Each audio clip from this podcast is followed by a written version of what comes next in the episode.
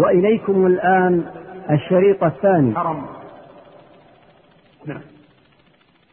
باب هذا طبعا يدل على كرم أخلاق النبي صلى الله عليه وسلم وكمال تواضعه في أنه يمر على الصبية ويحادثهم ويلاعبهم صلوات الله وسلامه عليه. هذه الشفقة التي كانت في قلبه كما قال الأقرع بن حابس لما دخل على النبي صلى الله عليه وآله وسلم وعنده بعض أولاده الحسن أو الحسين. فقال الأقرع للنبي صلى الله عليه وسلم أتقبلون أولادكم؟ فقال النبي صلى الله عليه وسلم نعم. فقال الأقرع إن لي عشرة من الولد إن لي عشرة من الولد ما قبلت واحدا منهم. فقال النبي صلى الله عليه وسلم وما أصنع لك إن كان الله نزع الرحمة من قلبك. هذه رحمة في قلب المسلم حيث إنه يعني يلاعب الصبي الصغير ويلاطفه ويسلم عليه كما كان يفعل النبي صلى الله عليه وسلم كان يسلم على الصبيان صلوات الله وسلامه ويمازحهم ويداعبهم صلوات الله ويلاطفهم بأبيه وأمي صلوات الله وسلامه عليه. نعم. باب قول الرجل للرجل يا بني. عن المغيرة بن شعبة رضي الله عنه قال ما سأل رسول الله صلى الله عليه وسلم أحد عن الدجال أكثر مما سألته عنه. فقال لي أي بني وما ينسبك منه؟ إنه لن يضرك. إنه لن يضرك يضرك. قال قلت إنهم يزعمون أن معه أنهار, أنهار الماء وجبال الخبز. قال هو أهون على الله من ذلك. نعم. المغيرة بن شعبة رضي الله عنه كان كبيرا. ومع هذا يقول له النبي صلى الله عليه وسلم يا بني. وذلك لفارق السن بينه وبين النبي صلى الله عليه وآله وسلم. وذلك أن النبي صلى الله عليه وآله وسلم توفي وللمغيرة بن شعبة رضي الله عنه. ثلاثون سنة. توفي النبي صلى الله عليه وسلم وللمغيرة بن شعبة ثلاثون سنة. والنبي توفي عن كم؟ عن ثلاث وستين سنة. فهنا قول النبي المغيرة هذا خلال عشر سنوات سنوات الهجرة. إما أن يكون المغيرة يعني عمره 27 أو 26 أو 25 أو 22 وهكذا يعني بين هذه السنوات فبينه وبين النبي صلى الله عليه وسلم 33 سنة. بين المغيرة وبين النبي صلى الله عليه وسلم 33 سنة. فمن ذلك كان النبي يقول له يا بني وإن كان المغيرة بعد في هذا الوقت تجاوز العشرين. المغيرة تجاوز العشرين ولكنه في سن أبناء النبي. في سن أبناء النبي صلى الله عليه وسلم وإذا قال له النبي يا بني فيذهب أن أنه لما قال يا بني يعني عمره في السابعة أو التاسعة أو العاشرة أبدا هو تجاوز العشرين ومع هذا يقول له يا بني أي أنت إنك في سن أبنائي. أنت في سن أبنائي.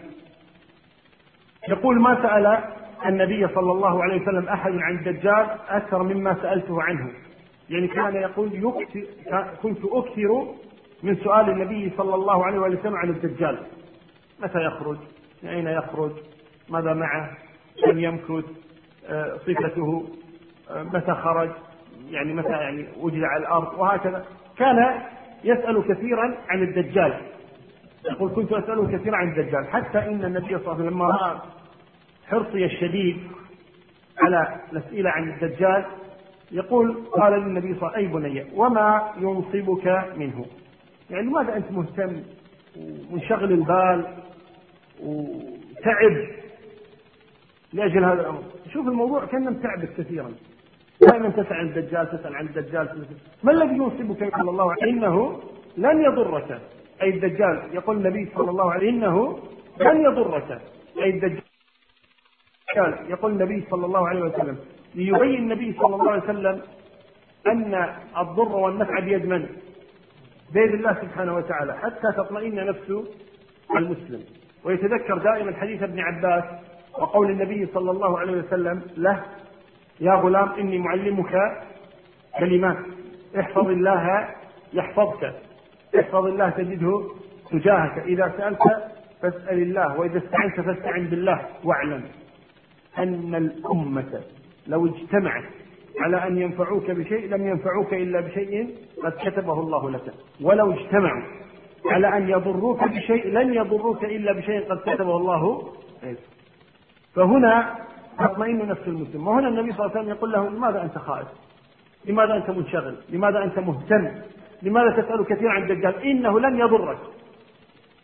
يعني إذا كنت أنت معتمدا على الله تبارك وتعالى موقنا أن النفع والضر بيد الله تبارك وتعالى إنه لن يضرك. وهذه قضية عظيمة جدا. نبه عليها النبي صلى الله عليه وسلم. ونبه الله تبارك وتعالى عنها في قوله سبحانه وما هم بضارين به من أحد من شيء لما ذكر السحرة وسحرهم. قال لا يضرون أحدا أبدا. وقال إنهم لن يضروك شيئا. وما هم بضارين به من أحد إلا بإذن الله. لن يضروكم إلا أذى. يعني لن يصل الضرر إليكم وإنما يصيبكم بعض الأذى. القصد إذا أن النبي صلى الله عليه وسلم أراد أن يؤكد هذه الحقيقة وهي أنه لا يملك الدجال نفسه لا يملك لنفسه ضرا ولا نفعا. فلا تهتمن كثيرا يقول للمغيرة النبي صلى الله عليه وسلم. والمغيرة ما زال الموضوع يشغله. فقال يرفع أنهم يقول إن معه أنهار الماء وجبال الخبز. يعني معه أشياء يعني عظيمة. فقال النبي صلى الله عليه وسلم هو أهون على الله من ذلك. يعني لا لا لا تعطيه أكبر من حجمه. هو أهون على الله من ذلك. يعني إما أن يكون هنا قول النبي صلى الله عليه وسلم كما قال أهل العلم هو أهون على الله من ذلك. أي ولو أعطاه الله هذا الشيء فهو هين عند الله تبارك وتعالى. إنما هذه الأشياء من الله وليست منه. أو أن النبي ينكر ذلك. يقول لا لا غير صحيح هذا الكلام. هو أهون على الله من أن يعطيه هذه الأمور. هو أهون على الله من أن يعطيه هذه الأمور.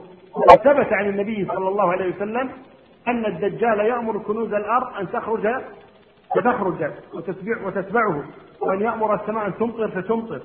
فالظاهر والله العالم هو القول الأول. وهو أهون على الله من ذلك أي ولو أعطاها الله هذه الأمور فهو هين عند الله تبارك وتعالى ولذلك يكون هلاكه على يد عيسى بن مريم بوصول نفسه إليه. فالقصد إذا هؤلاء الذين يعني يتكبرون في الأرض ويدعون ما يدعون من الباطل هم هينون على الملك الجبار سبحانه وتعالى. وخير دليل على ذلك ما صنعه الله بفرعون. لما قال الله تبارك فاليوم ننجيك ببدنك لتكون لمن خلفك آية. وكما صنع الله بالنمرود كما هو مشهور في كتب السير وهو أنه أماته الله بأن أرسل إليه بعوضة دخلت في أنفه ثم إلى دماغه فكان لا يهدى حتى يضرب بالنعال على رأسه حتى مات على هذه الحال. هو يأمر الناس بضربه بالنعال وكذلك ما جاء عن يأجوج ومأجوج. عندما يتكبرون في الأرض ويقولون قتلنا أهل الأرض فلنقتل أهل السماء ويضربون أو يرمون السهام في السماء فينزلها الله إليهم فيها الدماء فيقولون قتلنا أهل الأرض وقتلنا أهل السماء فيرسل الله لهم البعوض فيدخل في مناخرهم وفي آذانهم فيموتون من ذلك. كأن الله يقول لهم أنتم أهون من ذلك بكثير. ماذا تكونون أنتم؟ من أنتم؟ من أنتم؟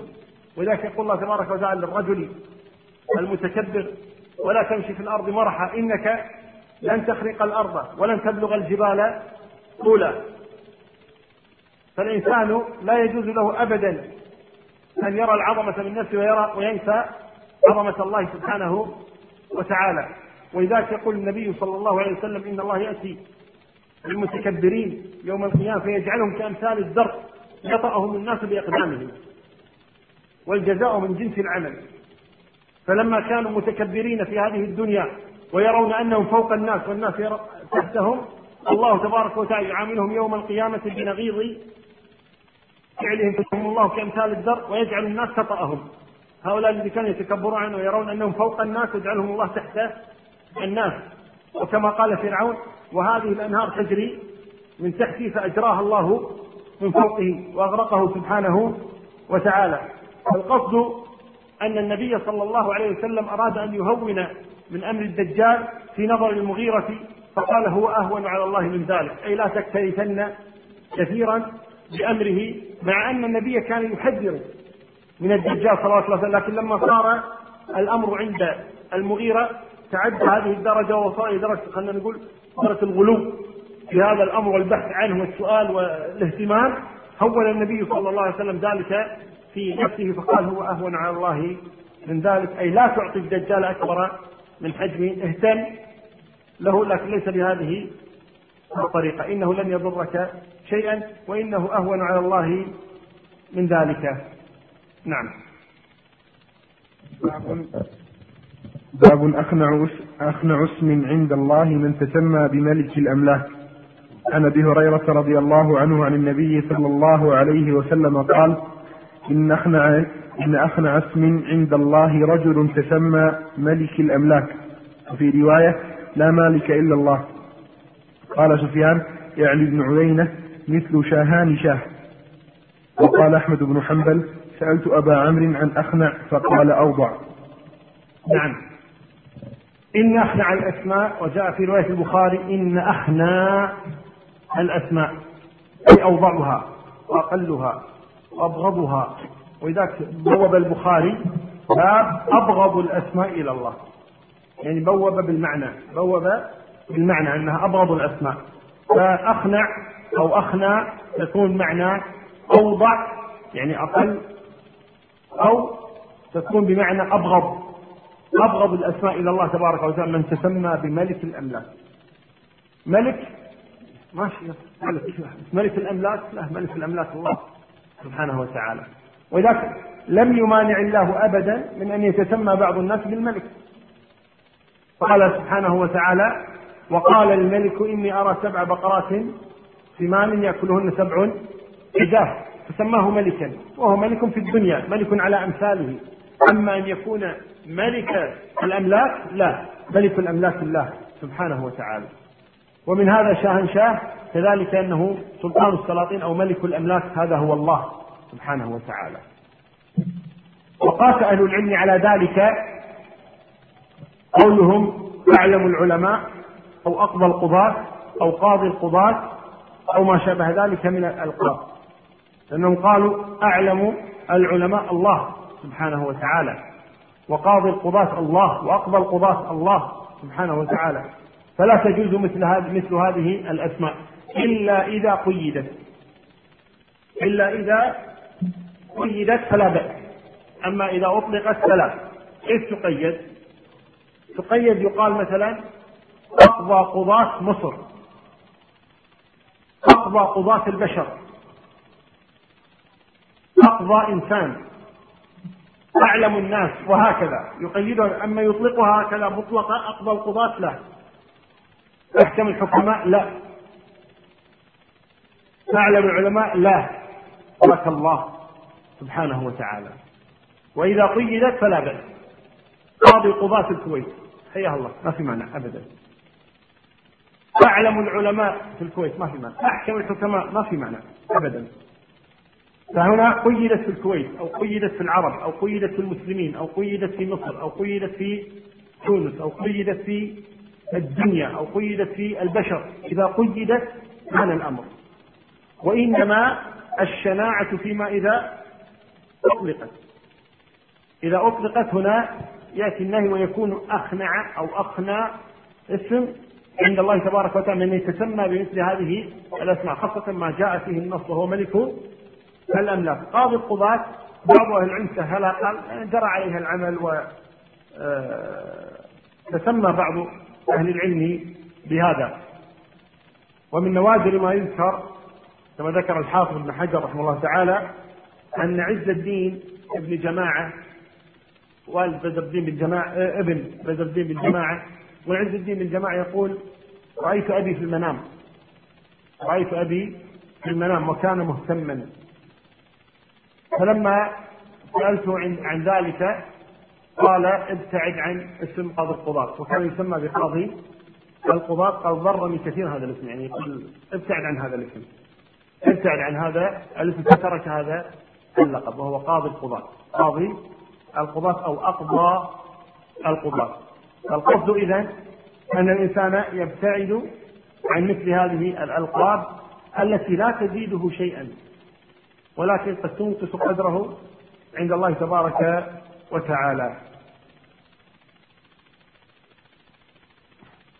طيب هذا بالنسبة لهذه الأسماء لأنها كما قلنا فيها تعدي على الله تبارك وتعالى. ومن ذلك يعني يدخل في هذا ما كان من الأسماء أن يتسمى الإنسان بأسماء الله سبحانه وتعالى. أن يتسمى الإنسان بأسماء الله تبارك وتعالى. أسماء الله كما قال أهل العلم يمكن تقسيمها إلى قسمين. أسماء خاصة بالله وأسماء غير خاصة. أسماء خاصة بالله وأسماء يمكن إطلاقها إطلاقها على غيره. فمن الأسماء التي أطلقها الله على غيره مثلا؟ الملك. فقال وقال الملك إني أرى سبع بقرات. العزيز. وقالت امرأة العزيز. وكذلك الرؤوف الرحيم كما قال عن النبي صلى الله عليه وسلم المؤمنين رؤوف رحيم. القصد أن هذه الأسماء سمى الله بها بعض عباده. ولكن هناك أسماء لا يجوز أن يسمى بها العباد. مثل اسم الله مثل اسم الرحمن. ما يجوز الإنسان يسمى بالرحمن. ولذلك لما آه، قالح النبي صلى الله عليه وآله وسلم آه، أهل مكة صلح حديبية قال لعلي بن أبي طالب رضي الله عنه اكتب بسم الله الرحمن الرحيم. قالوا ما نعرف الرحمن ولا الرحيم. ولكن اكتب كما كان يكتب آباؤك. باسمك اللهم. وقال لا نعرف إلا رحمن اليمامة. وهذا مسيلم الكذاب لعنه الله كان يتسمى بالرحمن قبحه الله. فهذا الاسم من أسماء الله الخاصة به. لا يجوز أن يسمى إنسان بالرحمن ابدا. وكذا اسم القدوس لا يجوز لأحد يسمي نفسه قدوسا. لأن هذا اسم خاص بالله تبارك وتعالى. وبعض أهل ضرب على ذلك اسم الجبار وبعضهم ذكر اسم الباري أو الخالق والمصور وغير ذلك من الأسماء التي يرى بعض أهل العلم أنها خاصة بالله لا يجوز مجاوزتها. بعد اتفاقهم على اسم الله والرحمن أنهما أخص اسمين لله تبارك وتعالى لا يجوز أحد أن يستمع بهما. أن يقال عن نفسه إنه رحمن أو إنه الله والعياذ بالله. نعم. باب حق المسلم على المسلم خمس. عن أبي هريرة رضي الله عنه قال قال رسول الله صلى الله عليه وسلم خمس تجب للمسلم على أخيه رد السلام وتشميت العاطف وإجابة الدعوة وعيادة المريض واتباع الجنائز. عن أبي هريرة رضي الله عنه أن رسول الله صلى الله عليه وسلم قال حق المسلم على المسلم ست قيل ما هن يا رسول الله؟ قال إذا لقيه إذا لقيته فسلم عليه وإذا دعاك فأجبه وإذا استنصحك فانصح له وإذا عطس فحمد الله فشمته وإذا مرض فعده وإذا مات فاتبعه. نعم. وحقوق المسلم على المسلم أكثر من ذلك. وإنما ذكر النبي صلى الله عليه وسلم بعض أهم هذه الحقوق. بعض أهم هذه الحقوق. وإلا لو أراد الإنسان أن يحصي حق المسلم على أخيه المسلم لا ملأ كراريس من حق المسلم على أخيه المسلم. وإنما نبه النبي صلى الله عليه وسلم إلى أن هناك حقا للمسلم على المسلم. الأصل أن له حقوق. أن له حقوقا عليك. هذا هو الأصل. ثم ذكر النبي صلى الله عليه وسلم بعض أهم هذه الحقوق صلوات الله وسلامه عليه وقال رد السلام تشميت العاطف إجابة الدعوة عيادة المريض اتباع الجنائز. وفي حديث آخر قال إذا استنصحك فانصح له. وغير ذلك من الحقوق الكثيرة التي للمسلم على المسلم. وبذلك يجب على المسلم أن يؤدي هذه الحقوق التي عليه حتى بعد ذلك يطالب بالحقوق التي له. وبعض هذه الحقوق قد تكون أيضا لغير المسلم على المسلم. ولكن حق المسلم ولكن حق المسلم على المسلم أعظم من حق غير المسلم على المسلم. ولذلك الإنسان يتعلم ويعرف هذه الحقوق التي يعني لأخيه عليه وهي الواجبات التي عليه يعرفها ثم يؤدي الذي عليه ويسأل الله الذي له يعني من الحق.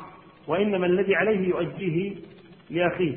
وإذا قال عمر رضي الله عنه إن مما يبقي لك الود في قلب أخيك يعني المسلم ثلاثة ثلاثة من الأمور.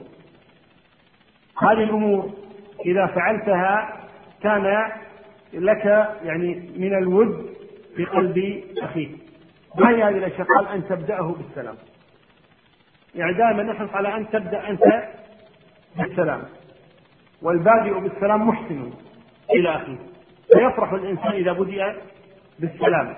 وقال أن تبدأه بالسلام اذا حرصت على أن تبدأه دائما بالسلام فإن هذا يخفي لك الود في قلبه. قال وأن توسع له في المجلس. يعني إذا دخل مجلسا وكان في ضيق أحرص أنت على أن تبادر أن توسع له في المجلس. تقول تعال إجلس. ليس المقصود أن تقوم وتجلسه في مكانك وإنما توسع له في المجلس وذلك النبي نهى أن يقوم أن يقيم الرجل الرجل مكانه وإنما أن توسع له. يعني تعمل فرجة وتقول له تعال إجلس. إذا كان هناك مثلا بينكما آه، وسادة أو شيء تلقي هذه الوسادة تقول تعال إجلس. واقف يعني هو أن توسع له المجلس وأن تناديه بأحب الأسماء إليه. تناديه بأحب الناس الآن ليس يكون له اسم وفي الوقت ذاته له لقب أو له كنية.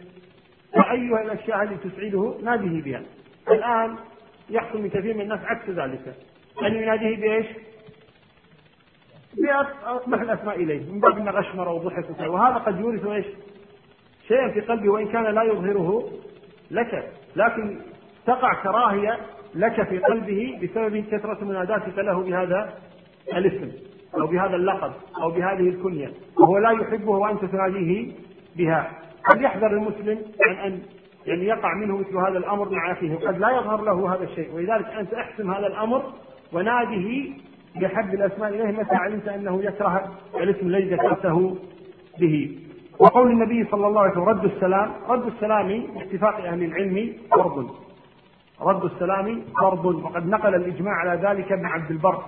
رحمه الله تعالى فقال بإجماع أهل العلم ابتداء السلام سنة ورده فرض. يعني واجب. يعني إذا سلمت ابتداء السلام هذه سنة لكن رده إذا وصلك السلام فرض. أن ترد هذا السلام. ورد السلام إما أن يكون يعني المسلم إما أن يكون مؤمنا إما أن يكون كافرا. وتشميت العاطفة إجابة الدعوة. طيب. أنا أرى أن الوقت قد يعني لا هم نحن نؤجل هذين الحديثين إن شاء الله تعالى والكلام عليهما للغد. بسم الله الرحمن الرحيم. الحمد لله رب العالمين. والصلاة والسلام على أشرف المرسلين نبينا محمد وعلى آله وصحبه وسلم. ثم أما بعد قال المنذري رحمه الله تعالى باب حق المسلم على المسلم خمس. عن أبي هريرة رضي الله عنه قال قال رسول الله صلى الله عليه وسلم خمس تجب للمسلم على أخيه. رد السلام. وتشميت العاطف وإجابة الدعوة وعيادة المريض واتباع الجنائز. عن أبي هريرة رضي الله عنه قال قال رسول إن رسول الله صلى الله عليه وسلم قال حق المسلم على المسلم ست. قيل ما هن يا رسول الله؟ قال إذا لقيته فسلم عليه وإذا دعاك فأجبه وإذا استنصحك فانصح له. وإذا عطس فحمد الله فشمته وإذا قده وإذا مات فاتبعه. باب النهي عن الجلوس في الطرقات وإعطاء الطريق حقه. عن أبي سعيد الخدري رضي الله عنه عن النبي صلى الله عليه وسلم قال إياكم والجلوس في الطرقات. قالوا يا رسول الله ما لنا بد من مجالسنا نتحدث فيها. قال رسول الله صلى الله عليه وسلم فإذا أبيتم إلا المجلس فأعطوا الطريق حقه. قالوا وما حقه؟ قال غض البصر وكف الأذى ورد السلام والأمر بالمعروف والنهي عن المنكر. باب في تسليم الراكب على الماشي والقليل على الكثير. عن أبي هريرة رضي الله عنه قال قال رسول الله صلى الله عليه وسلم يسلم الراكب على الماشي والماشي على القاعد والقليل على الكثير. بسم الله الرحمن الرحيم. الحمد لله رب العالمين. الحمد لله حمد الشاكرين. والصلاة والسلام على المبعوث رحمة للعالمين نبينا محمد وعلى آله أما بعد. في هذه الأحاديث الأربعة التي ذكرها ثلاثة منها كما ترون يرويها راوية الإسلام أبي هريرة رضي الله تبارك وتعالى عنه. وهذه الأحاديث الأربعة تذكر شيئا من حق المسلم على المسلم. وفي الحديث الأول ذكر خمسة حقوق للمسلم على أخيه المسلم. ولذلك يجب على المسلم منا أن يتنبه إلى هذه الأحاديث لأنها تخصه. وفي الحديث الثاني ذكر الخمسة الأولى وزاد عليها أمرا سادسا وفي الحديث الثالث ذكر كذلك أمورا زائدة. وفي الحديث الرابع فصل مسألة من مسائل الحقوق وهي مسألة السلام. في الحديث الأول يقول النبي صلى الله عليه وسلم خمس تجب للمسلم على أخيه. أولها رد السلام. هناك البداءة بالسلام وهناك رد السلام. أما البداءة بالسلام فقد ذكر الإمام ابن عبد البر أبو عمر رحمه الله تبارك وتعالى ذكر أن البدء بالسلام سنة مؤكدة بإجماع المسلمين. وأن رد السلام فريضة واجبة بإجماع المسلمين. إذا هناك فرق بين البداءة بالسلام وبين رد السلام. أما البداءة فسنة مؤكدة. والخير من المسلمين من يبدأ أخيه أو أخاه بالسلام. وأما الرد فإنه يجب على المسلم لا على سبيل الاستحباب وإنما على سبيل الوجوب. يجب. وهذا الواجب على المسلم إنما يكون للمسلم. أما إذا مر المسلم على كفار أو سلم كافر على مسلمين فإن الأمر يختلف. أما إذا مر المسلم على الكفار فلا يجوز أن يبدأهم بالسلام. لا يجوز يحرم. أن يبدأ المسلم الكافر بالسلام. لقول النبي صلى الله عليه وآله وسلم لا تبدأ اليهود والنصارى بالسلام. مع أن اليهود والنصارى هم أقرب الكفار إلى المسلمين. أهون الكفار أحسن الكفار. ولذلك أباح الله لنا نكاح نسائهم وأباح الله لنا طعامهم ذبائحهم. ولم يبح هذا من غير أهل الكتاب. ومع هذا يقول صلوات الله وسلامه لا تبدأوا اليهود والنصارى بالسلام ولا يجوز بداءتهم بالسلام. ولا كرامة. ولكن ذكر أهل العلم أنه إذا اضطر لذلك بحيث إن هذا اليهودي أو النصراني مسؤول عليه في عمله أو يكون أذى له أو غير ذلك من الأمور فإنه إذا اضطر إلى ذلك فإنه يبدأه بغير السلام. وإنما يقول مثل هذه الكلمات صباح الخير مساء الخير أسأل الله صباحك. كيف حالكم وما شابه ذلك من الكلمات. أما السلام عليكم فلا تكون إلا للمسلم أي حال من الأحوال. لا يبدأ الكافر بالسلام وإنما يكون ذلك للمسلمين خاصة. هذا من حيث البداءة البداءة. أما من حيث الرد فإن النبي صلى الله عليه وسلم ذلك كذلك. فقال وإذا بدأوكم أي بالسلام فقولوا وعليكم. إذا سلم اليهودي أو سلم النصراني تقول وعليكم. وقد كانوا يسلمون على النبي صلى الله عليه وآله وسلم ويأتون مجلسه رجاء أن يسلم عليهم. فما كان يبدأهم بالسلام صلوات الله وسلامه عليه. وكانوا يسلمون عليه حتى يرد عليهم السلام. فكان بعضهم يلحن عامدا في كلامه فيقول للنبي صلى الله عليه وسلم السام عليك. والسام قيل هي اللعنة وقيل هي الموت. يعني يدعون على النبي صلى الله عليه وسلم بالموت. صلوات الله وسلامه عليه. وقال صلوات الله وسلامه وإذا سلموا عليكم فقولوا وعليكم. تقول وعليكم. لماذا؟ لأنه قد يكون أراد السامة.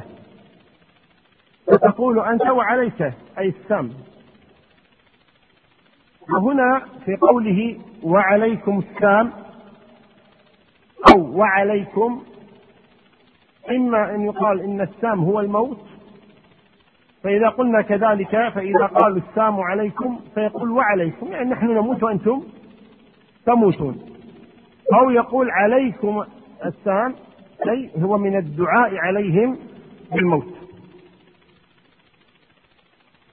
طيب إذا ثبت لدينا أنه سلم سلاما واضحا صحيحا فقال السلام عليكم ورحمة الله وبركاته. هل نرد عليه بمثل ما قال؟ بعضهم قال يرد عليه بمثل ما قال طالما أن سلامه كان إيش؟ كان واضحا. وآخرون قالوا أبدا.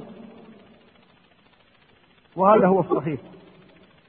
أنه حتى لو سلم سلاما كاملا واضحا نقول وعليكم. وإذا اضطر قال وعليكم السلام. أي منا. تسلمون منا. لكن لا يقول للكافر أبدا ورحمة الله. فهؤلاء لا يستحقون رحمة الله تبارك وتعالى. ولذلك كان اليهود كان اليهود يأتون إلى النبي صلى الله عليه وسلم يتعاطسون عنده. يتعمدون. يعطس عند النبي حتى يقول له النبي يرحمك الله. فإنهم لا يكذبونك ولكن الظالمين بآيات الله يجحدون. الذين آتيناهم الكتاب يعرفونه كما يعرفون أبناءهم. هم يعرفون أنه حق. صلوات الله وسلامه عليه. ولذلك قال اليهودي لابنه أطع أبا القاسم. فهم يعلمون أنه رسول.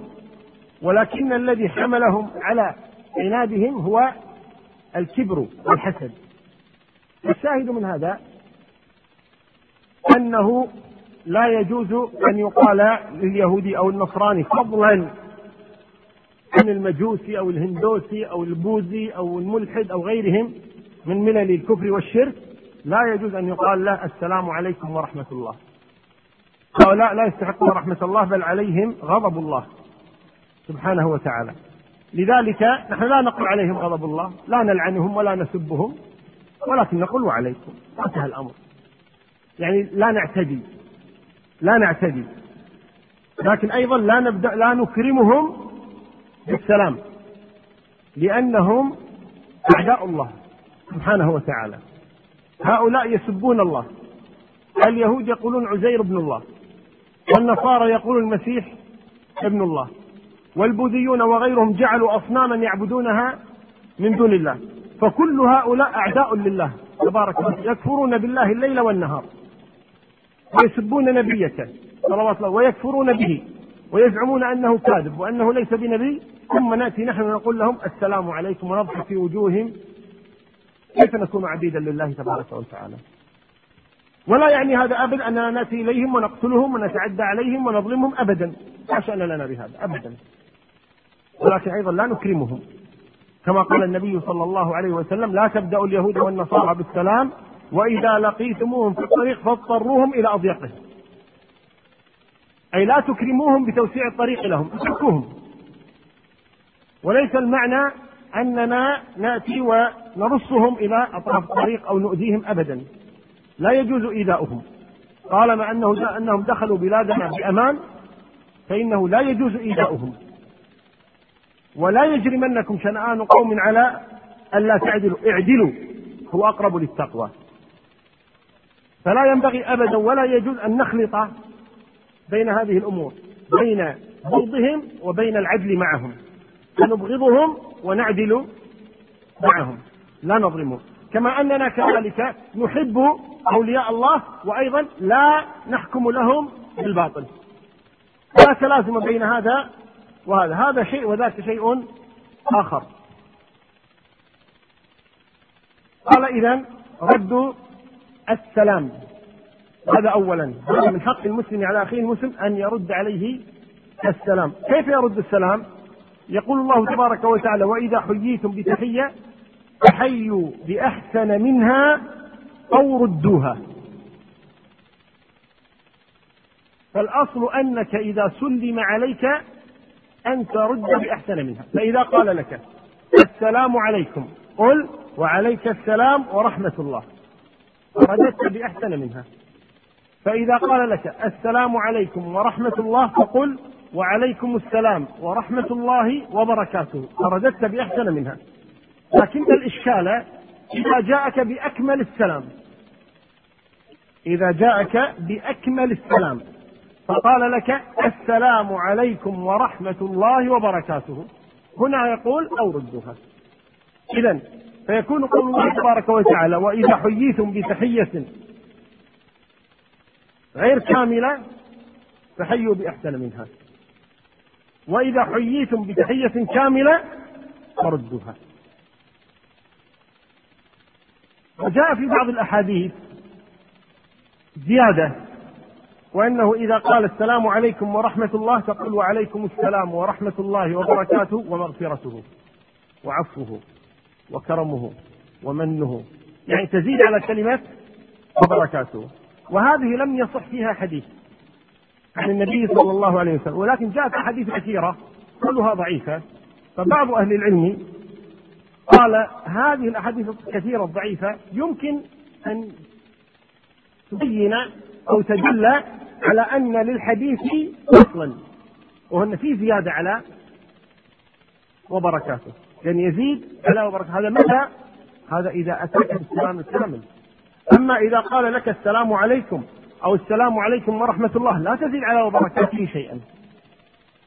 وإنما هذا إذا قال لك السلام عليكم ورحمة الله وبركاته هنا قال بعض أهل العلم أنك تزيد.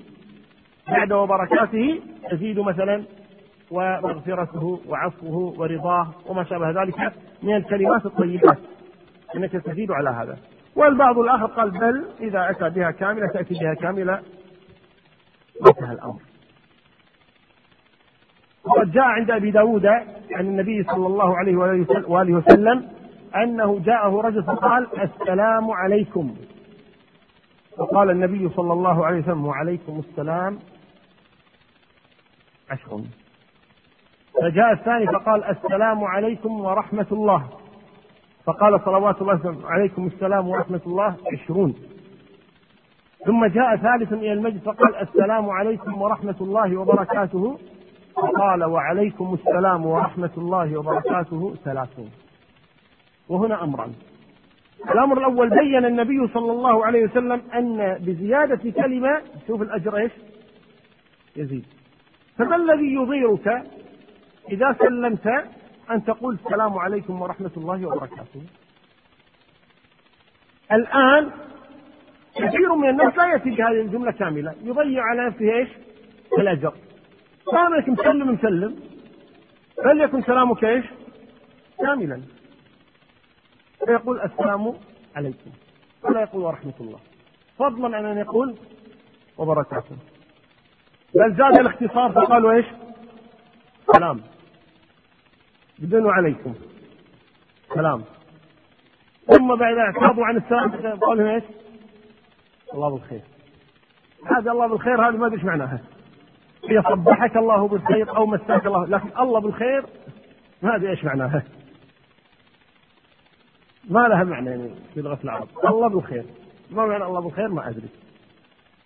ولا حتى في ناس يعني جزاهم الله خير اختصروها بالخير. خلاص. يبغى لا تسلم. وهو لازم. أنت الخسران. القصد اذا أن الإنسان يحرص على أن يسلم على المسلم من فضلك اقلب الشريط.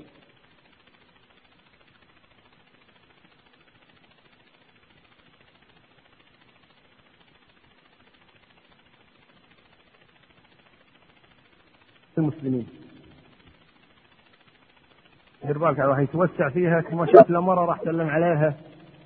السلام على الرجال. دع النساء جانبا. إلا إذا كانت قريبة لك أو آه، مجموعة من النساء أو لحاجة مثل مراجعة وما شابه ذلك. أما تمر على امرأة في الشارع السلام عليكم. ابتعد عنها. لا تسلم على النساء. لما فيه من خوف وقوع الفتنة إذا هذا الحق الأول للمسلم على المسلم أن يبدأه بالسلام.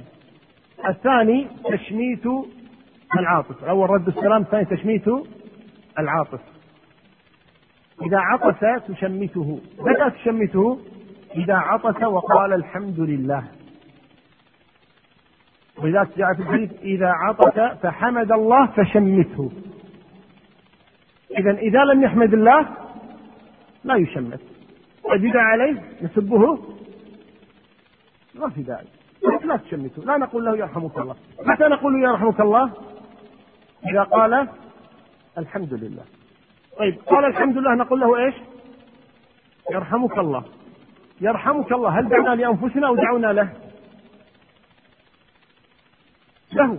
ما قلنا يرحمنا ويرحمك قلنا إيش؟ يرحمك. خصصناه بالدعاء. يرحمك الله. يرد عليك يقول يهدينا الله. من يهديك الله. يهدينا أنا ليش يهديك يا أخي أنا دعوت لك أنت إيش؟ ادعو لي. يقول لك فلذلك يخطئ بعض الناس لما أقول يرحمك الله يقول يهدينا ويهديكم الله. هذا خطأ من ناحيتين. خطأ من الناحية الأولى أنه ليس ثابتا عن النبي صلى الله عليه وآله وسلم. وخطأ من الناحية أنا دعوت لك فادعو لي. أنا ما قلت يرحمني ويرحمك. قلت يرحمك. فأنا خصصتك بالدعاء فخصني بالدعاء. ولذلك كانت السنة ماذا؟ أن يقول المشمت يرحمك الله. ويقول الثاني المشمت يقول يهديكم الله ويصلح بالكم. فأنت تدعو له وهو يدعو لك. هذه هي السنة. أن تقول أنت يرحمك الله. ويقول هو يهديكم الله ويصلح بالكم. فأنت تدعو له وهو يدعو مكة إذا هذه الثانية وهي تشميت العاطف طيب لو عطف غير المسلم لا نقول يرحمك الله. لا نقول يرحمك الله. قلنا أن اليهود كانوا يتعاطفون عند النبي صلى الله عليه وآله وسلم يريدون أن يقول لهم يرحمكم الله. ولكنه صلوات الله وسلم يعلم أنهم غير مستحقين بالرحمة. فكان يقول إيش؟ يهديكم الله. الدعاء بالهداية جائز لهم. لليهود للنصارى للمجوس لكل الدنيا. تدعو له بالهداية ما في مانع. لكن لا تدعو له بالرحمة لأنه ليس من أهلها إلى الآن. لكن الهداية هو من أهلها. فتقول يهديكم الله. ولا تقل يرحمكم الله. طيب ما حمد الله؟ تقول له مثلا احمد الله حتى أقول لك يرحمك الله. ما في مانع. خاصة إذا علمت أنه جاهل في حكم هذه المسألة. واحد عرف سكت فأنت تريد أن تعلم. تقول إذا عطست من السنة أن تقول الحمد لله. يقول الحمد لله ثم تأتي بالسنة الثانية فتقول له إيش؟ يرحمك الله. إذا لا بأس إذا لم يحمد الله الإنسان فإنه يبين له ذلك حتى يحمد الله ثم يشمت بعد ذلك. قال وإجابة دعوة. إجابة الدعوة. الدعوة دعوتان. دعوة العرف الزواج جزاهم الله خير اختصروها بالخير. خلاص. يبقى لا تتكلم وهو لازم. انت خسران فالقصد اذا أن الإنسان يحرص على أن يسلم على المسلمين، كان عبد الله بن عمر يدخل السوق لا يريد شراء ولا بيعا وإنما يريد أن يسلم ويسلم عليه. رضي الله عنه. فألظوا بها؟ ألظوا بالسلام؟ أكثروا من السلام على إخوانكم المسلمين. يرباك على واحد يتوسع فيها ثم شاف له مرة راح سلم عليها. السلام على الرجال، دع النساء جانبا. إلا إذا كانت قريبة لك أو آه، مجموعة من النساء أو لحاجة مثل مراجعة أو ما شابه ذلك. أما تمر على امرأة الشارع السلام عليكم. أبتعد عنها. لا تسلم على النساء. لما فيه من خوف وقوع الفتنة. إذا هذا الحق الأول للمسلم على المسلم أن يبدأه بالسلام. الثاني تشميت العاطف. أول رد السلام ثاني تشميت العاطف. إذا عطس تشمته. متى تشمته؟ إذا عطس وقال الحمد لله. ولذلك جاء في الحديث إذا عطس فحمد الله فشمته. إذا إذا لم يحمد الله لا يشمت طيب عليه نسبه ما في ذلك. لا تشمته لا نقول له يرحمك الله. متى نقول له يرحمك الله؟ إذا قال الحمد لله. طيب قال الحمد لله نقول له إيش؟ يرحمك الله. يرحمك الله. هل دعونا لأنفسنا أو دعونا له؟ له. ما قلنا يرحمنا ويرحمك قلنا إيش؟ يرحمك. خصصناه. يدعى يرحمك الله. يرد عليك يقول يهدينا الله. من يهديك الله؟ يهديني أنا ليش يهديك أنت؟ أنا دعوت لك أنت إيش؟ ادعو لي. ولا لا فلذلك يخطئ بعض الناس لما قلت يرحمك الله يقول يهدينا ويهديكم. الله هذا خطأ من ناحيتين. خطأ من الناحية الأولى أنه ليس ثابتا عن النبي صلى الله عليه وآله وسلم. وخطأ من الناحية أنا دعوت لك فادعو لي. أنا ما قلت يرحمني ويرحمك. قلت يرحمك. أنا خصصتك بالدعاء. فخصني بالدعاء. ولذا كانت السنة ماذا؟ أن يقول المشمت يرحمك الله. ويقول الثاني المشمت يقول يهديكم الله. ويصلح بالكم. فأنت تدعو له وهو يدعو لك. هذه هي السنة. أن تقول أنت يرحمك الله. ويقول هو يهديكم الله. ويصلح بالكم. فأنت تدعو له وهو يدعو لك. إذا هذه الثانية وهي تشميت العاطف طيب لو عطس غير المسلم لا نقول يرحمك الله. لا نقول يرحمك الله. وإذا قلنا أن اليهود كانوا يتعاطسون عند النبي صلى الله عليه وآله وسلم يريدون أن يقول لهم يرحمكم الله. ولكنه صلوات الله وسلم يعلم أنهم غير مستحقين للرحمة وكان يقول إيش؟ يهديكم الله. الدعاء بالهداية جائز لهم لليهود للنصارى للمجوس لكل الدنيا. تدعو له بالهداية ما في مانع. لكن لا تدعو له بالرحمة لأنه ليس من أهلها إلى الآن. لكن الهداية هو من أهلها. تقول يهديكم الله. ولا تقل يرحمكم الله. طيب ما حمد الله؟ هل تقول له مثلا احمد الله حتى أقول لك يرحمك الله؟ ما في مانع. خاصة إذا علمت أنه جاهل في هذه المسألة. واحد عطس وسكت. فأنت تريد أن تعلمه تقول إذا عطس من السنة أن تقول الحمد لله. تقول الحمد لله ثم تأتي بالسنة الثانية فتقول له إيش؟ يرحمك الله. إذا لا بأس إذا لم يحمد الله الإنسان فإنه يبين له ذلك حتى يحمد الله ثم يشمت بعد ذلك قال وإجابة الدعوة. إجابة الدعوة.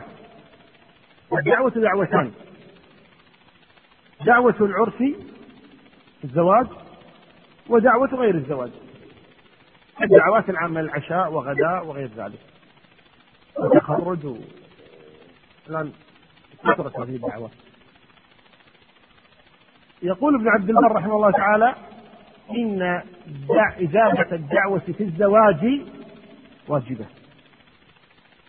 إذا دعيت بشخصك أما إذا وضع إعلانا عاما أو في الصحف أو وضعه في الشارع وهذا لست ملزما بهذا.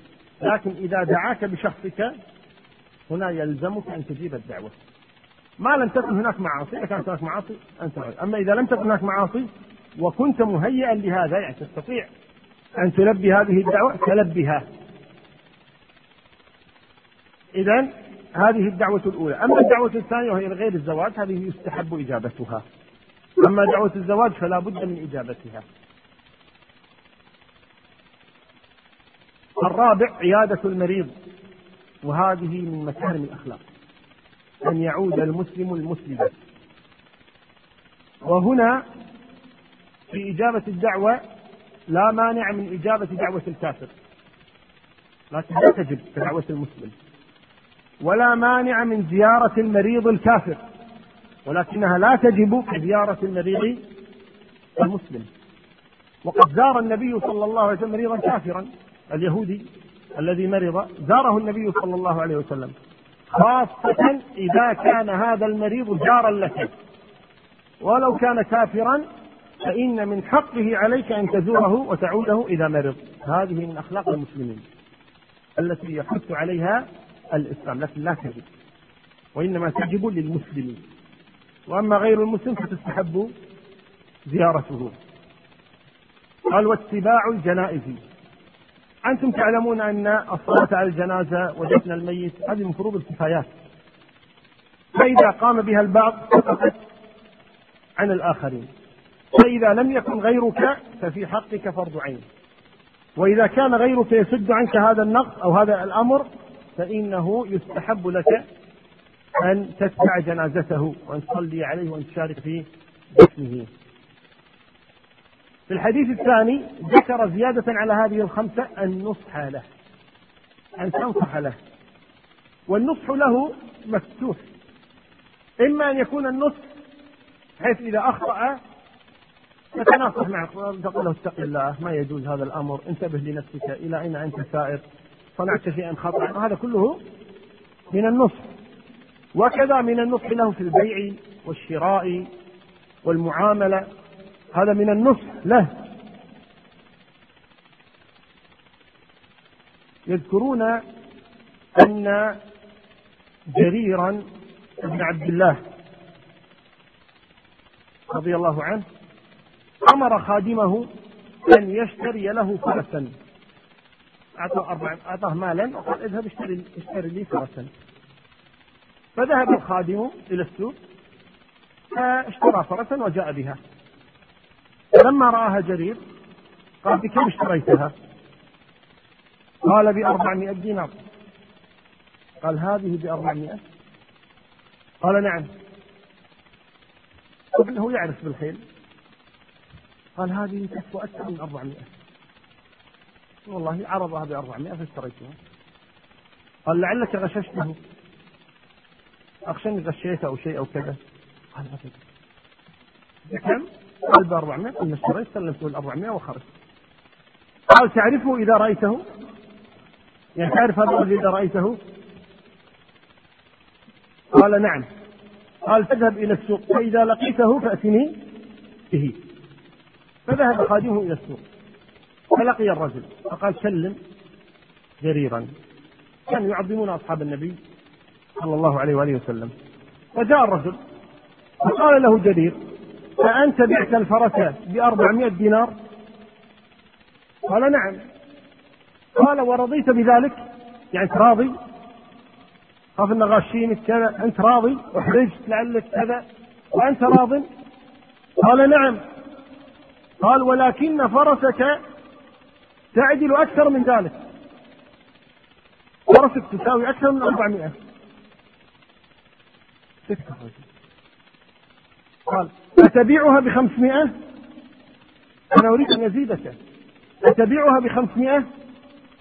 قال الأعرابي نعم. رضيت قال لا هي تعدل أكثر من ذلك. تبيعها بستمائة؟ قال الأعرابي نعم. رضيت قال لا هي تعدل أكثر من ذلك. تبيعها بسبعمائة؟ الأعرابي مصدق مصدق. صاحي هذا مو صاحي ما يدري. يضحك عليه من جد ما يدري. يبيعها بسبعمائة؟ قال نعم رضيت قال هي تعدل أكثر من ذلك. تبيعها ب 800 نعم رضيت قال هذا ثمنها. ثمن 800 فعلا هذا هذا. هي سعرها 800 أعطيه 400 يقول الخادم أعطيه 400 أخرى. الأعرابي مو أخذ ال 400 بيروح بسرعة لا يهون. غير راية ولا شيء ولا يمنعونه من التصرف بماله أخذ ال 400 أراد أن يمشي العرب؟ قال يا أخ العرب. قال ولا الهوى؟ قال يا أخ العرب. قال قال ليس بي جنون. إيه أنت من تخرج من عندي بتقول شنو؟ في واحد مو صاحي. بعته تصدرنا اعطاني 400 ثانية ما عمري شفت واحد مثل هذا. قال يا اخ العرب ليس بي جنون. انتبه. ليس بي جنون. ولكني بايعت رسول الله صلى الله عليه وسلم على النصح لكل مسلم. هذه القضية إذا أنا أنصح لك أنا مهمتني الفلوس الفلوس تجي وتروح. أرزاقي مكتوبة. ثلث ما ينقص ثلث ما يزيد. لكن أنا أريد الآخرة. أريد ما عند الله. أريد أن أنصح لكل مسلم. من يفعل هذا في يومنا هذا؟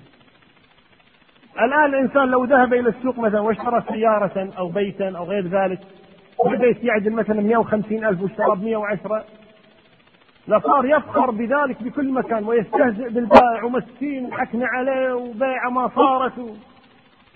يظن نفسه أنه مقصر لأنه لم ينصح لأخيه المسلم. شوف أولئك القوم كانت الآخرة هي همهم. همهم الأول والأخير الآخرة. ما همتهم الدنيا. ولم يكن جرير بذلك الغني الذي يرمي أمواله يمينا أبدا ولكنه ما أراد أن يأخذ 400 دينار الآن ويأتي يوم القيامة يحاسب يقال له لما لم تنصح لأخيك المسلم. فقدم النصح لأخيه المسلم. ولذلك يجب علينا هذا. الآن بعض الناس ليس فقط هكذا بل يتعمدون الغش لإخوانهم المسلمين. إما أن يكون لأنه غش فيغش. ومثال ذلك ما حدثني أحدهم أنه يعني غشه أحدهم بان باعه سيارة ماكينتها ثالثه لكن يضعون لها زيتا معينا ثقيلا إيش؟ طيب فلا يظهر هذا العيب مدة أسبوع أو عشرة أيام. ثم يظهر العيب بعد اشتراها على أنها سليمة وفحصها على فظهر أنها سليمة. ثم بعد مدة بعد عشرة أيام أو أسبوعين تبين له أنها ثالثة. فقال إيش أعمل أنا؟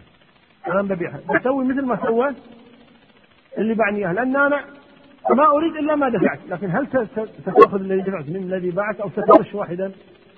آخر. يغش واحدا. آخر. لا يجوز.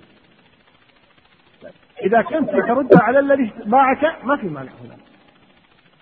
لكن تغش واحدا ما له ذنب هذا. ما له ذنب. أنت تتحمل وحتى يتحمل أما الثالث ليس رأسا في الموضوع؟ فضلا عن من يغش الآن واحد يبيع سيارته أو خاصة يفكر في السيارات لا يذكر العيوب التي فيها. يقول شو سيارة جربها. لا مو جرب قل له. فيها كيك وفيها كيك وفيها كيك وفيها كيك ما في أي مانع. أنت ألا تحب؟ لو أنك أنت الذي تشتري ألا تحب أن يخبرك بما فيها؟ لا شك إنك تحب ذلك. فأحب لأخيك ما تحب لنفسك لا يؤمن أحدكم حتى يحب لأخيه ما يحب نفسه ولكن لأن الدنيا وحبها والتعلق وحبها والتعلق بها يعني شغل المسلمين عن مثل هذه الأمور والتنبه إليها. أصحاب محمد صلى الله عليه وآله وسلم وغيرهم من سلف هذه الأمة الصالحين ما كانوا يهتمون لهذه الدنيا وكانوا يحرصون على الآخرة. قال إني بايعت رسول الله صلى الله عليه وسلم على النصح لكل مسلم.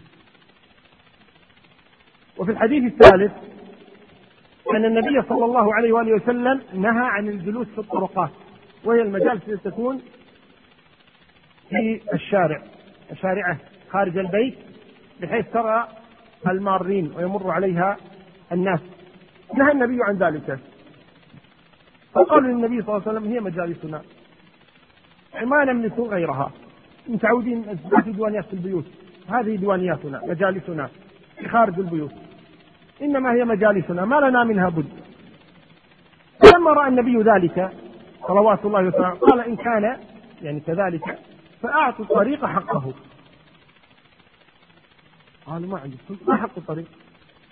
ما حق هذا الطريق؟ قال صلوات الله وسلامه عليه. غض البصر. غض بصرك. عمن عن جيرانك وزوارهم غض بصرك عنهم. قال وكف الأذى. لا تؤذي. ضحك بصوت عالي موسيقى آه، صراخ غير ذلك مواقف السيارات. كل هذا من الإيذاء. الآن في هذه المجالس التي يتخذها الناس يجب عليك أن لا تؤذي جارك أو جار صديقك الذي تزوره سواء في وقوف سيارتك أو في رفع صوتك أو في النظر إلى محارمه. كف الأذى بكل أشكاله وصوره. كف الأذى. قال ورد السلام. إذا سلم عليكم أحد وجوبا أن تردوا عليه السلام. والأمر بالمعروف والنهي عن المنكر. حق الطريق. تعطونه الطريق حقه مأذون لكم. ما تعطون ما تعطون الطريق حقه الأصل المنع. أنه لا يجوز الجلوس في مثل هذه المجالس.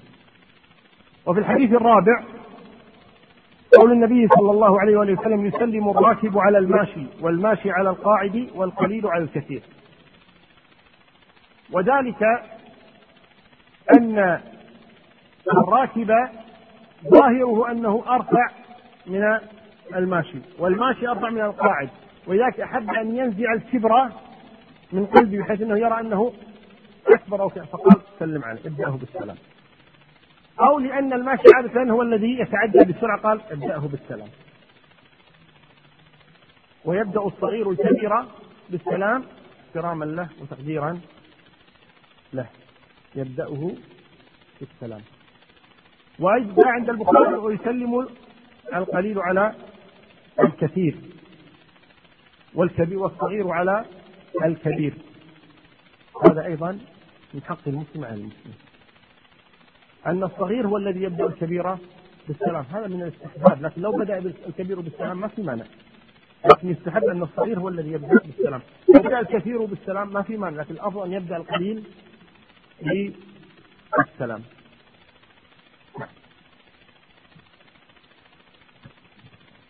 باب باب الاستئذان والسلام. عن أبي بردة عن أبي موسى الأشعري رضي الله عنه قال جاء أبو جاء أبو موسى إلى عمر إلى عمر بن إلى عمر بن الخطاب رضي الله عنه فقال السلام عليكم. هذا عبد الله بن قيس فلم يأذن له. فقال السلام عليكم. هذا أبو موسى. السلام عليكم. هذا الأشعري. ثم انصرف. فقال ردوا علي ردوا علي. فجاء فقال يا أبا موسى ما ردك؟ كنا في شغل في شغل كنا في شغل. قال سمعت رسول الله صلى الله عليه وسلم يقول الاستئذان ثلاث فإن أذن, فإن أذن لك وإلا فارجع. قال لا تأتيني على هذا ببينة وإلا فعلت وفعلت. فذهب أبو موسى. قال عمر رضي الله عنه إن وجد بينة تجدوه عند المنبر عشية. وإن لم يجد بينة فلم تجدوه فلما أن جاء بالعشي وجدوه قال يا أبا موسى ما تقول؟ فقد وجدت؟ قال نعم أبي بن كعب. قال عدل. قال يا أبا الطفيل ما يقول هذا؟ قال سمعت رسول الله صلى الله عليه وسلم يقول ذلك يا ابن الخطاب. ولا تكونن عذابا على أصحاب رسول الله صلى الله عليه وسلم. قال سبحان الله إنما سمعت شيئا فأحببت أن أتثبت. نعم. هذا حديث أبي موسى الأشعري رضي الله عنه وهو أنه استأذن على عمر. وانظروا هنا كيف بدأ الاستئذان. طرق الباب وسلم. قال السلام عليكم. أنا أبو موسى. ثم طرق الباب لم يؤذن له. فطرق الباب مرة ثانية السلام عليكم. أنا عبد الله بن قيس. يمكن شك أبو موسى أكثر من واحد مثلا. قال أنا عبد الله بن قيس. ثم لم يؤذن له. فطرق السائل قال أنا الأشعري. ولم يؤذن له انصرف. الآن الواحد كسر الباب. زين. إلى أن يفتحوا. يعني حتى إن الجالس في البيت قد يكون يعني لا يريد أن يدخل عليه أحد إما مشغول مع أهله أو مع أولاده أو يقرأ في كتاب أو يريد أن يبقى لوحده أي أمر آخر.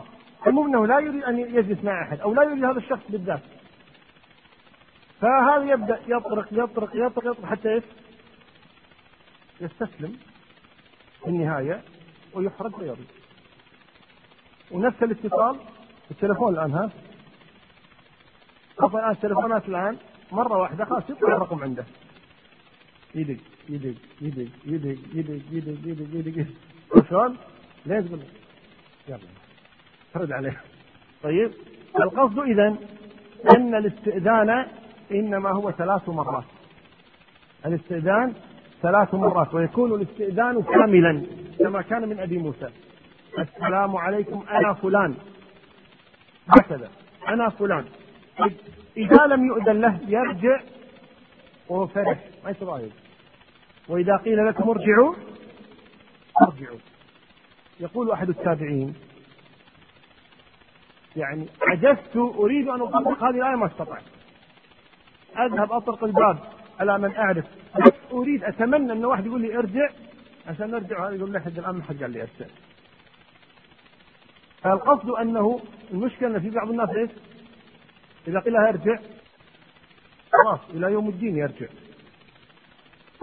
خلاص باله وتكلم فيه وفلان مو هو كفو. هو سكانه ولا هو مضبوط ولا هو كيف تقول رحت للبيت. رجل قال لي ارجع حتى إنه حدثني أحد الإخوة وهو طالب علم.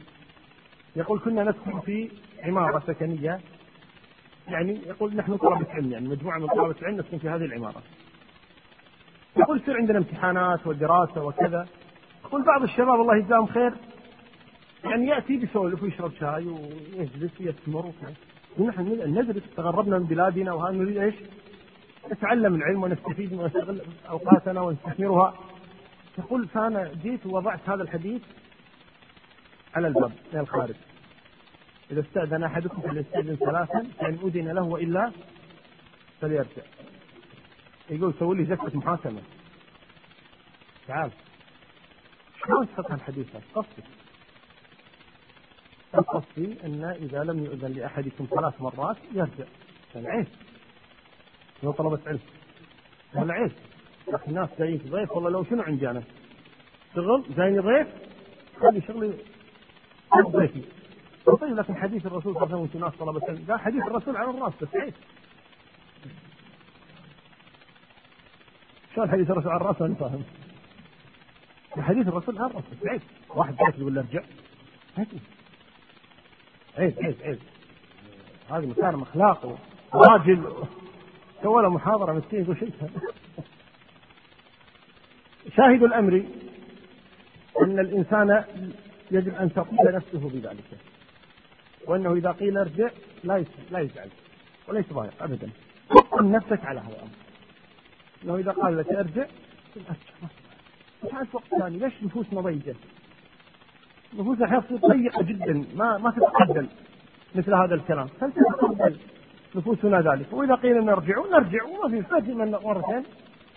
ثانية. ثم أبو موسى الأشعري لما استأذن ثلاثا عمر كان يسمعه ولم يأذن له لانشغاله بشيء. فلما انصرف أبو موسى بعد الثالثة بحديث النبي صلى الله عليه وآله وسلم. انتهى عمر من شغله قال شوفوا أبو موسى وينه؟ قالوا ذهب. نادوه ردوه نادوه قال يبيك عمر. قال خلافة عمر.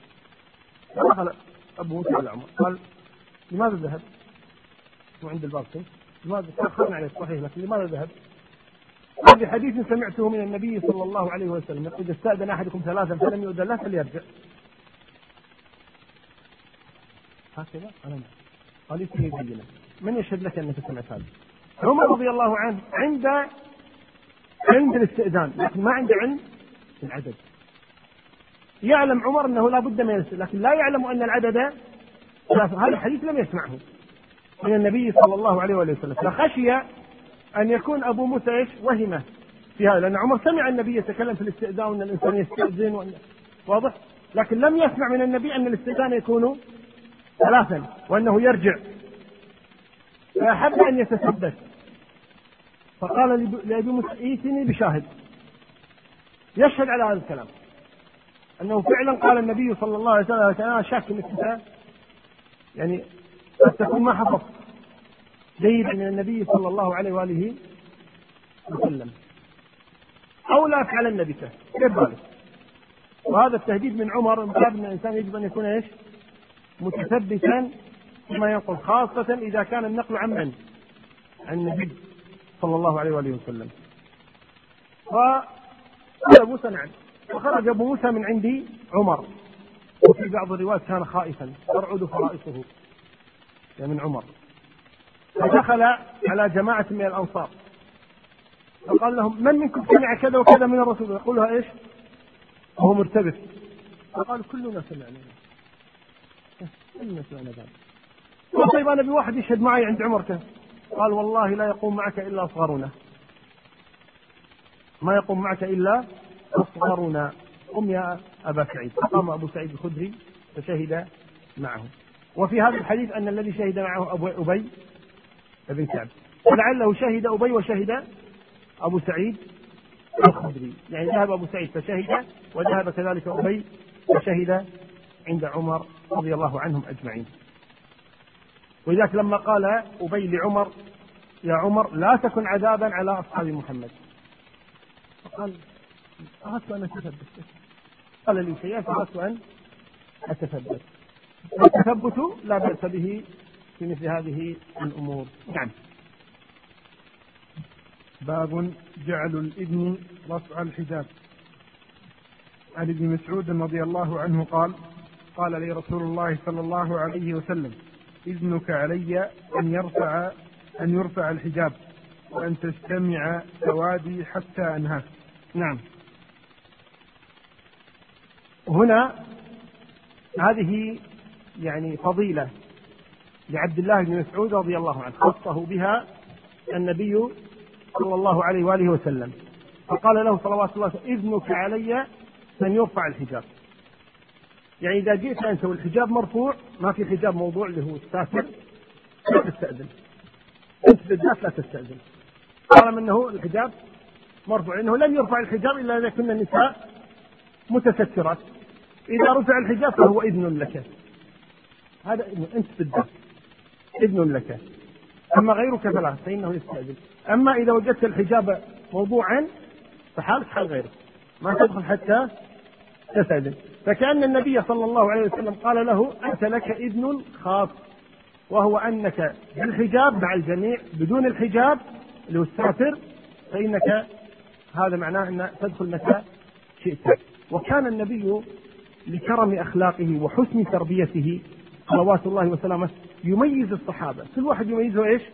بشيء هذا أنت صاحب سري وأنت صاحب وضوئي وأنت تمسك نعلي. وأنت سترتي عندك اللي هي العنزة تكون بيده. وأنت آه، أرسلك دائما لتبلغ. وأنت إذا سافرت تكون مكاني. وأنت تقود الجيش. وأنت كذا فكان النبي يعطي كل واحد منه إيش؟ اهتماما خاصا. حتى يظن أنه إيش؟ متميز. على الجميع. وهو كذلك. يعني يميزه بهذه. فتجد كل واحد يفخر بما كان. عليه من الأمر وهذا من حسن تربيته صلوات الله وسلامه عليه. يقول لعبد الله بن مسعود إذنك أن يرفع الحجاب انت بالذات لك حالة خاصة. ولذلك قال بعض أهل العلم أو عفوا قال بعض الصحابة رضي الله عنهم كان يؤذن له عبد الله بن مسعود إذا حجبنا. متى؟ إذا كان الحجاب مرفوعا نحن ما نستطيع أن ندخل وحيد اذا يدخل منه عبد الله بن مسعود فيقول يعني قال يعني عبد الله بن مسعود يعرف أكثر منكم قليل. كان يؤذن له إذا حجبنا. عنده غاصة. يدخل يدخل في أوقات نحن لا نستطيع أن ندخل حتى نستاذن يدخل بدون إذن. وهذه ميزة كان يتميز بها عبد الله بن مسعود رضي الله عنه. وكان يقول له أيضا يقول وأن تسمع السوادي حتى أنهى والسواد السر. السواد السر يعني أسراري خصوصياتي كذا لا إذا صار عندي سر يعني أكلم واحد بسر أو كذا وكذا أنت أنت مسموح تقعد ما عندك مشكلة. لما أقول لك اطلع اطلع. ما قلت لك اقعد. يعني أيضا هذا إيش تميز؟ لعبد الله بن مسعود رضي الله عنه. قلنا إن النبي صلى الله عليه وسلم يميز بعض أصحابه بعض الأمور حتى ينبه على فضلهم أو مكانتهم أو حتى يرغبهم. صلوات الله وسلامه عليه. نعم. باب كراهة أن يقول أنا عند الاستئذان. عن جابر بن عبد الله رضي الله عنهما قال استأذنت على النبي صلى الله عليه وسلم. فقال من هذا؟ فقلت أنا. فقال النبي صلى الله عليه وسلم أنا أنا. في رواية كأنه كره ذلك. نعم. قالوا لأن أنا ما ما زادت الإبهام شيئا. ظل الإبهام كما هو. أنا أنت؟ أنا؟ أنا أنت؟ أنا؟ من أنت؟ واضح ولا لا؟ يعني بعض الناس يظن أن صوته متميز مثلا. واضح لا؟ خاصة قد يكون في بيته مثلا. يستأذن في بيته فيقول أنا؟ فيعرفون صوته؟ ماشية هذه. لكن إذا كان دخل مكان يعني لا يعرفون صوته أو يأتي أحيانا ويتغيب أحيانا أو كذا الباب. من يقول أنا؟ شنو أنت؟ وفسر الماء بعد الجهد؟ بالماء. من أنت؟ قل أنا فلان. أنا علي أنا جابر أنا يوسف أنا خالد أنا محمد. هذا قال أبو موسى الأشعري. أنا أبو موسى أنا عبد الله بن قيس أنا الأشعري. ما يضر يعني ما يضرك شيء إذا قلت أنا فلان. أنا لوحدها لا تنفع. قد يكون النبي صلى الله عليه وسلم فهم أو عرف صوت جابر. لما قال النبي من؟ قال جابر أنا. النبي لعله فهم وعرف أن هذا لكن أراد أن يؤدبه ويؤدب غيره ويعلمه ويعلم غيره. قال أنا أنا. وهذا أيضا يبين لنا أيضا صدق الصحابة رضي الله عنهم. وإلا هذا الحديث كما ترون يعني فيه يعني آه، تأنيب لجبر ولا لا؟ ومع هذا جابر هو الذي يروي هذا الحديث. لو كان غير جابر يقول معود يكسر وإحنا الرسول صلى الله عليه وسلم احد يقولها. ما يحدث بهذا الحديث ليش؟ لأن فيه طعن عليه. يعني النبي عاب عليه هذا الفعل ومع هذا كانوا كلهم يحدثون بهذا. كلهم بلا استثناء. علي رضي الله عنه يحدث بالحديث الذي قال عنه النبي صلى الله عليه وسلم ألا تصليان؟ قال أنفسنا بيد الله إن شاء بعث وإن شاء قبضا وخرج النبي يضرب على فخذه ويقول وكان الإنسان أكثر شيء جدا. علي هو الذي روى هذا الحديث. رضي الله عنه. علي النبي يقول لعائشة ايتكن صحبه الجمل الادبر تنبح عليها كلاب الحواب؟ هي التي روت هذا الحديث عن النبي صلى الله عليه وسلم. وهكذا كل الأحاديث التي فيها يعني تأديب من النبي صلى الله عليه وسلم لأصحابه أو تبيين خطئهم وتحذيرهم أو زجرهم أو ما شابه تجد أن هؤلاء هم الذين يروون هذه الأحاديث، لماذا؟ لأنهم ينصحون للأمة. يريدون النصح للأمة ولو كان الحديث مساس بهم. أنهم يعني أخطأوا أو كذا ومع هذا يحدثون بهذا، لماذا؟ لأن الأمة تحتاج إلى مثل هذا الخبر. فلذلك هنا جابر يعني غيره يقول استر راح يحدث له قلت أنا فعاب علي ان قال أنا أنا كذا حتى الناس تستفيد هذا الأمر. طيب نسمع سؤالين ثلاثة ثم بعد ذلك نكمل. من عنده سؤال؟ نعم. طيب.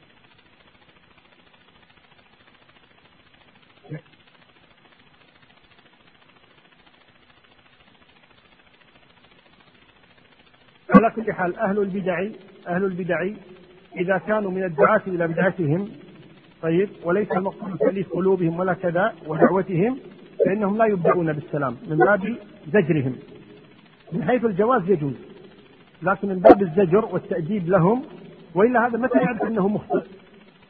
ما يعرف أنه مخطئ إلا إذا عاملناه بمثل هذه الأمور اللي يسمونه هجر المبتدع. فمن هجر المبتدع أنه لا يبدأ بالسلام وكذلك العاصي.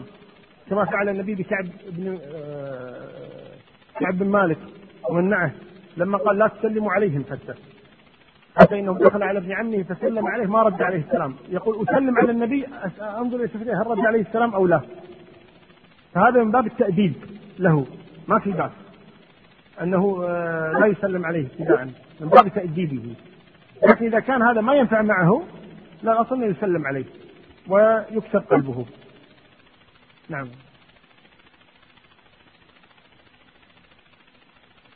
سم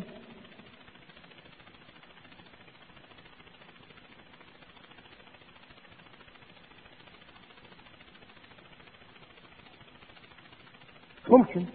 ممكن. قال بها بعض أهل أن زيادة الواو هنا مثل قول إبراهيم عليه الصلاة والسلام. دخلوا عليه فقالوا سلاما. قال سلام. هم جاءوا بها. خبره جاء بها.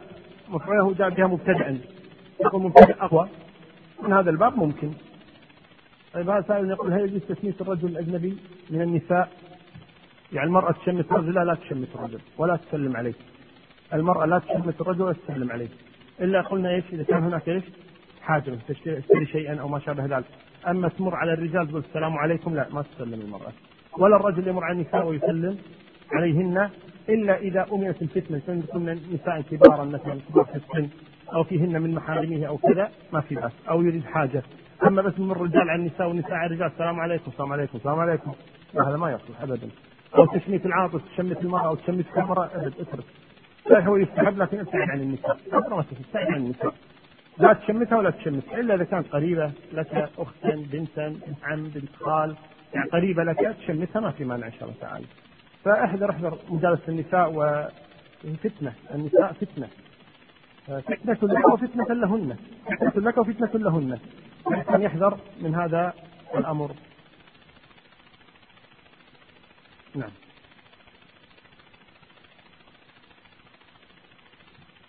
باب النهي عن الاطلاع عن عن الاطلاع عند الاستئذان.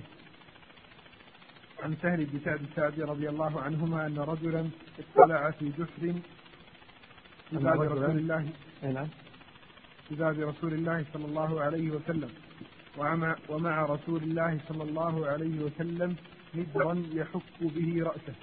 فلما رآه رسول الله صلى الله عليه وسلم قال لو أعلم أنك تنظرني لطعنت به في عينك وقال وقال رسول الله صلى الله عليه وسلم إنما جعل الإذن من أجل البصر باب من اطلع في بيت قوم بغير ابنهم فسقأوا عينه عن أبي هريرة رضي الله عنه أن رسول الله صلى الله عليه وسلم لو أن رجلا اطلع عليك بغير إذن فخدفته بحصاة فسقأت عينه ما كان عليك من جناح. باب في نظر الفجاءة وصرف البصر عنها. عن جرير بن عبد الله رضي عبد الله رضي الله عنه قال سألت رسول الله صلى الله عليه وسلم عن نظر الفجاءة فأمرني أن أصرف بصري. نعم. البيوت لها حرمات والمسلم له حرمة ولا يجوز المسلم أن يتلصص على المسلمين وأن ينظر في بيوتهم الآن في بعض البيوت أحيانا يكون الباب يعني على الباب الخارجي وهناك باب داخلي يبدأ ينظر تمر وحدة شيء ينظر إليها. وقد يكون أحيانا عن غفلة. يعني آه، وأحيانا يكون في طرف من الباب. قد يكون أحيانا لا يريد أن ينظر إلى النساء. يبي يشوف صاحبة مثلا أو شيء أو يبي يشوف الاثاث أو يبي يشوف كذا ويشوف كذا. على كل حال على كل حال ان هذا النظر يؤذي صاحب البيت. وفيه اطلاع على عورته. فهذا لا يجوز. ولذلك النبي صلى الله عليه وآله وسلم كان في الحديث كانت معه مدرة يحك بها رأسه مثل مشط من حديد يحك بها رأسه صلوات الله وسلامه عليه. فقال إني لو أعلم أنك تنظرني لطعنت به في عينك هذا تحذير من النبي صلى الله عليه وسلم يعني لو فعلت هذا لما كان علي في ذلك من حرج. يعني لو قطعت عينك لأنك تنظر ما كان علي من حرج. لماذا؟ لأنك بدأت بالاعتداء. فمن اعتدى عليكم فاعتدوا عليه بمثل ما اعتدى عليكم لو فقأت عينك ما كان علي في هذا من حرج لأنك بدأت بالاعتداء علي في النظر في بيتي وقال إنما جعل الإذن من أجل البصر يعني هو الإذن ليش؟ لأي أسباب يكون الإذن؟ لاي لأي حاجة؟ عشان البصر تستاذن حتى لا تدخل مفاجأة حين يضع الرجل ثيابه أو تضع المرأة ثيابها أو تأخذ راحتها في بيتها وياتي هذا يتلصص وينظر في البيوت ولذلك قال النبي مثل هذا الكلام. وفي الحديث الثاني يؤيد هذا يقول لو أن رجلا طلع عليك بغير إذن فخدفته بحصى فقأت عينه ما كان عليك من جناح. يلا جمع حصى. طيب يقول لو طلع في بيتك بغير إذنك فخلفته بحصاة ما كان عليك من جناح من جناح. لماذا؟ لأنه هو المعتدي. هو المعتدي. ويقال خذفته ويقال حذفته. الخذف والحذف. تقول خذفت وتقول حذفت. كلاهما معنى واحد. ولكن قال بعض أهل أهل اللغة يقول الخذف يكون بالحصى والحذف يكون بالعصا. إذا كانت معك عصا تقول إيش؟ حذفتها. وإذا كانت معك حصاة صخر أو هذا تقول خذفتها فالحصى يقال خذف والعصا يقال إيش؟ حذف والحديدة ها؟